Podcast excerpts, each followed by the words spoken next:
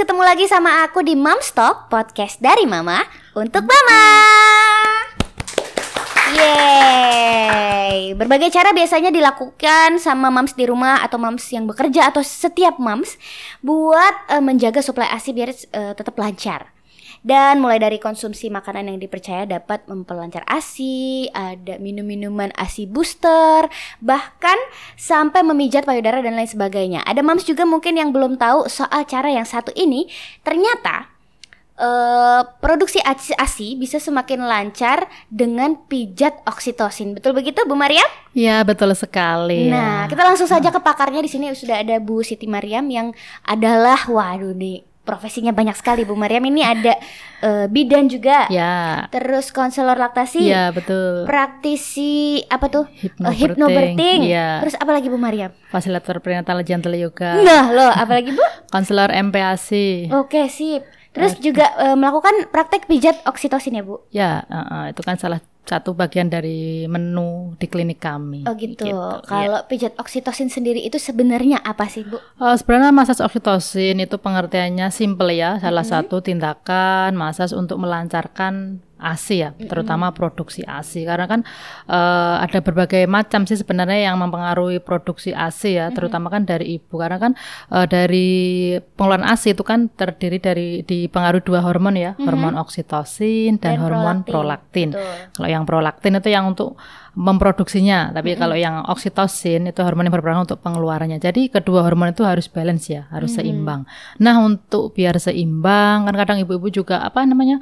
lelah. Nah, salah mm-hmm. satu manfaat dari masas oksitosin itu juga membuat tubuh ibunya jadi rileks. Kan okay. kalau rileks otomatis hormon oksitosinnya keluar ya, mm-hmm. bahagia gitu. Jadi manfaatnya mm-hmm. buat ASI itu sangat uh, oh, sangat luar biasa mengefek ya. ya, Bu. Uh, sangat, sangat mengefek sekali. Dulu aku pernah baca buku mm-hmm uh, soal melahirkan. Yes. Itu juga bisa mm-hmm. pijat oksitosin ya, Bu. Pijat oksitosin itu bisa juga uh, melancarkan persalinan begitu? Mm-hmm. Itu itu nanti itu nanti bagian jadi akupresur ya. Jadi oh, gitu. karena dari akupresur persalinan itu kan alami ya. Di situ juga ada uh, salah satu titik-titik mm-hmm. yang menyebabkan kontraksi. Jadi emang membantu persalinan, persalinan banget. ya. Jadi ya. pijat oksitosin mm-hmm. ini bisa mulai bisa dipelajari sejak hamil. Uh, Tapi hamil ingat untuk uh, uh, untuk momi-momi yang di bawah 37 minggu mm -hmm. jangan dulu karena mm. Nanti takutnya kan kontraksi ya. Karena kan masas oksitosin itu memicu kontraksi tapi setiap okay. orang efeknya beda-beda sih. Okay. Tapi memang mengarah atau memicu kontraksi Oke, okay, gitu. dan hormon uh, yang keluar di pijat ini kan ya oksitosin adalah mm -hmm. hormon bahagia gitu -hmm. ya Bu ya. Iya, iya, betul Jadi sekali. melahirkannya bisa semakin rileks. Mm -hmm, rileks, bahagia. Ternyata santai. masih berlanjut mm -hmm. bisa sampai menyusui. Oh iya. Menyusui mm -hmm. sampai akhir bisa? Oh, sampai akhir jadi setiap hari bisa dikerjakan ini wow, ya. Wow, segitu efeknya ya Bu. Hmm. Selain uh, memperlancar ASI dan mengeluarkan hormon-hormon itu pijat oksitosin ini bisa untuk apa lagi Bu? Uh, salah satunya merilekskan tubuh ya okay. karena kan setiap hari beban seorang ibu. apalagi working ya, mom ya, yes. apalagi working mom ya pressure di kantor kan juga pasti ya, bikin kita semakin stres nah, sementara harus pumping nah, segala macam itu bisa sangat membantu. Itu merilekskan tubuh sekali, tubuh jadi lebih segar, peredaran darah lancar, otomatis kalau uh, dengan peredaran lancar suplai oksigennya di tubuh bagus, hmm. kita jadi makin waras ya mak-maknya nanti okay. ya. Aku pribadi nih Bu, yeah. waktu awal-awal menyusui kan emang susu uh. lagi produksinya sedang banyak-banyaknya. Uh, uh, uh. Kita semakin bonding juga sama uh, baby uh, karena dia memang uh, sumber hidup utamanya yeah, adalah ASI, ASI gitu ya, yeah. karena belum mengkonsumsi selain ASI. Mm -hmm. Itu aku dulu sempat sering uh, ngerasain yang namanya LDR mm. atau bisa kita panggil uh, let down let reflex ya. Yeah. Itu tuh penjelasannya gimana sih Bu soal let down reflex ini oh. menurut saya tuh agak sedikit okay. tidak masuk akal ya, tiba-tiba oh, iya, iya. rembes gitu. Iya.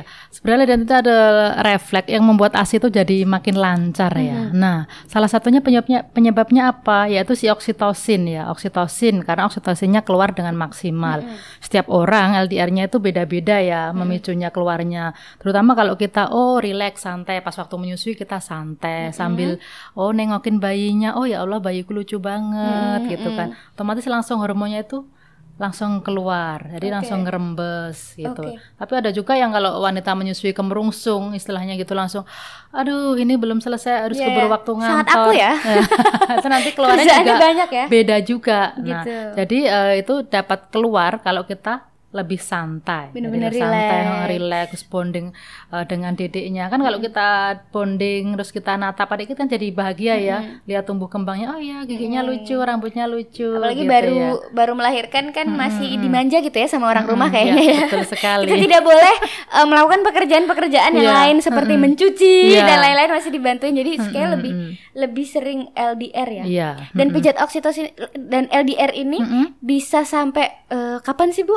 Eh, tiap orang beda-beda ya. Beda-beda ya? Nggak cuma di awal aja ya? Enggak, enggak di awal aja sampai akhir pun kalau jenengan sampai saat ini ngerasain enggak? Masih Enggak, enggak udah ya? enggak, udah Karena enggak. produksinya kan kakak sudah mulai itu Iya, ya, sudah udah mulai mulai, agak gede. makan. mm-mm. Jadi setiap orang benar bisa sampai eh, menyusui sampai ut- tanpa ada batasnya sebenarnya tuh sampai akhir sampai menyapih pun kadang masih bisa tergantung kita slow enggak. Terus kerjanya hormon si oksitosin sama prolaktin tuh balance apa enggak Oke. gitu. Terus eh, ukuran atau bentuk payudara itu peng- pengaruh nggak sama LDR? Oh, enggak berpengaruh semua Jadi payudara. benar-benar langsung keluar. Iya, jadi Oh, kayak gitu. oh rembes gitu ya. Apalagi kalau kita nyusun yang kanan, yang kiri pun kita juga rembes. Mm-mm. Terus apalagi kalau ada yang beberapa klien saya tuh sukanya nonton drakor kan kalau nyusuin sambil pompa gitu kadang oh ya nonton drakor Ngelihat biar yang ganteng-ganteng gitu ya, mungkin ya Bu ya. Iya mungkin kan setiap Lihat orang yang yang membuat bahagia itu kan beda-beda ya. Kalau aku biasanya em, meningkatkan produksi ASI kalau pas lagi di kantor agak Iya. slow itu biasanya aku nonton video-video receh. Oh, Jadi bisa ketawa bareng teman-teman dan eh, bisa eh, apa namanya? Mem- jadi emang efeknya ke kalau pumping lebih banyak, Bu. oh iya iya. Karena happy Ha, mungkin iya, ya. ha. Si oksisinnya muncul, itu ya. muncul Oh, gitu. Dan pijat oksitosin itu bisa bener-bener bikin eh, konsisten ya, Bu? ya Makin banyak ya, Bu. konsisten makin banyak gitu ya. Kalau dilakukan konsisten juga. atau Iya, tapi ya, ya namanya se- segala sesuatu kalau dilakukan konsisten pasti hasilnya juga oke. Tapi Iya, kalau oh cuma setengah-setengah gitu ya ndak oke gitu. Tapi kapan sih biasanya kita bisa melakukan pijat oksitosin? Oke, eh, sebenarnya sejak hamil pun bisa, tapi ingat usia kehamilan di atas 37 minggu dan Oke. berat janinnya itu harus dua setengah dan posisinya optimal. Nanti ujuk-ujuk sungsang melakukan Iya, eh, benar-benar. masa waktu nanti kontraksi. Nah, sebenarnya kalau oke lebih oke lagi sih kalau sudah lahiran ya. Lahiran kan eh, membantu pengeluaran, tapi dengan kasus-kasus operasi sesar itu hati-hati karena di belakang itu kan biasanya di bius di anestesi ya. Nah, itu kan nanti yang dimasas areal di atasnya harus hati-hati eh, takutnya mengenai eh, lumbalnya itu. Oke. Nah, karena di sampingnya sih sebenarnya nanti tapi kita bahas cara-caranya. Oke. Oke. Terus soal siapa aja yang bisa ngelakuin pijat oksitosin? Kalau kita kan nggak mungkin mijitin sendiri nih si ibu menyusuinya. Biasanya siapa sih yang mijitin kita tuh iya. siapa? Boleh. Yang pertama boleh suami tuh pasangannya, boleh orang tua, boleh per- eh, pertama boleh biasanya kalau di rumah sakit orang lahiran di tempat saya tuh saya ajarin kok massage oksitosin aja nanti Oh, gitu. pasangannya biar praktek di rumah gitu Tolong ya. di zoom di muka saya ini, bapak-bapak, tolong dipelajari pijat oksitosin karena itu sangat membantu ya. Iya, sangat membantu sekali biar Iya. biar yang ikut melahirkan, ikut hamil itu bukan suami istrinya atau suaminya Iya, juga ikut Support gitu system ya. nomor satu itu tetap pasangan ya, Terus iya, terus siapa lagi siapa lagi? Oke, boleh orang tua, mertua, pokoknya yang eh, yang kalau diri sendiri kita tidak mungkin lah ya, tapi yang penting boleh orang-orang sekitar boleh melakukannya. Gitu. Aku jadi membayangkan bagaimana rileksnya kita coba eh, nyumet alah nyumet. Nyumet itu apa ya? nyumet itu nyalain, nyalain, mana ini nyumet nih? Nyalain apa itu eh dikasih essential oil itu apa Oke namanya? ya, essential apa Diffuser. diffuser, iya. Diffuser dikasih Kasih essential oil, yang dipijetin lavender. suami. Aduh Wah gimana enak sekali, iya makin rileks, oksitosin produksinya oke. Terus Bu, pertanyaan berikutnya Mm-mm, adalah apakah mm-mm. butuh media khusus untuk eh, melakukan pijat oksitosin? Oke, butuh ya paling enggak oil ya, bet- minyak apa boleh. Soalnya nanti biar lemes tangan kita biasanya biar elastis, biar licin. Kalau Iya, enggak iya. kan nanti tubuhnya terasa kaku ya, Iya, seret benar. gitu lah ya. Boleh pakai ya. minyak-minyak eh, tertentu ya, boleh VCO, boleh eh, zaitun dan produk-produk minyak yang membuat tubuhnya rileks ya, licin. Tapi gitu. jangan minyak goreng ya. minyak goreng. Tapi kalau nggak ada apa-apa nggak apa-apa sih Bu ya. Kepepetnya kalau misalnya adanya minyak goreng juga nggak apa-apa lah. Ya udahlah yang penting licin. Iya, biar enak, Gitu. rileks. Apalagi dengan eh, minyak-minyak yang istilahnya membantu merilekskan kan banyak ya, kayak lavender itu kan makin oh makin rileks lagi Wah, aku nanti punya. ya. Iya. Enak banget. Iya, nanti tinggal di dilute ya kalau Iya. punya essential oil ya. Aduh, suamiku Oke. harus eh, ini nih nonton nih episode ini kayaknya aku harus kode keras nanti di share linknya ke suami langsung Oke, WhatsApp. Eh ini loh Pak, tolong, tolong dipelajari. Iya. Di sini ada prakteknya, Bu. Oke, boleh Wah, nanti praktek asik. ya. Sebelum kita ke praktek, oh ya udah lah, langsung aja lah. Langsung aja ke praktek lah. Bagaimana cara melakukan eh, pijat oksitosin? Aku Oke. sudah tidak sabar. Aku Eh, dipijit mau nih? dipijit? Mau, Oke, mau. boleh deh. Kita, tapi kita kuda-kudaan eh sana ya. Aku ada di sana? Oke, oke. Oke. Pertama, Ah, ah. Sebenarnya posisiku harus seperti apa? ya, sebenarnya sebenarnya harus eh, menyandar gini boleh ya, nunduk di meja gini. Loh. di meja, oke oke. Atau boleh pakai jimpol. Oke. Heeh, jimpol juga boleh. Jadi Oke. biar organ-organnya Bisa, sini, heeh. Heeh. Dari sini ya. Sebenarnya kita rilekskan dulu tubuhnya biar tidak langsung jogja, jujuk saja masas oksitosinnya. Boleh dirilekskan dulu, dievurasi dulu. Oke. Oke, evurasi dulu 30 kali. Ini dari eh, ini ya. Apa namanya kalau orang Jawa ulo-ulo. nah, ini ke atas dari pinggangnya. Hmm. Nah kan, apalagi kalau ini harus dibuka bajunya loh ya. Pakai minyak ya? Mm, pakai minyak. Mm, relax dulu 30 kali. Enak. Setelah itu dipetriasi. Nah, gerakannya. Petriasi itu ke samping ya? Iya, mm-mm. Gerakannya ke samping dari Iya, arah mm-mm, bawah menuju ke bawah, samping atas, kiri, ke kanan kiri. Ke kanan. Mm, kanan Wah. kiri sampai bawah kan makin rileks nanti ya. Wah. Mm-mm. Wah, saya jadi pengen lepas aja nih. Oke nanti kalau lepas di, di klinikku ya. Sip, sip, sip. Mm, dapat kupon gratis nanti ya. Weh, terus apa lagi Bu setelah Oke, ini? zigzag sini. Oh, zigzag. Mm-mm. Bapak-bapak tolong Mm-mm. dipelajari lebih lanjut soal pijat oksitosin. Jadi zigzag nih ke atas, ke bawah, itu tangan eh, kanan kiri bergantian, bareng-bareng. Hmm, iya. Oke, setelah itu di friction menekan. Nah, menekan ini eh, dari sini, sebenarnya dari sini ini Dari yang apa ini namanya ya? Mm-mm, cengal ya. Ada eh, tulang dinosaurus. apa itu ya? Cengel. Cengel itu apa ya?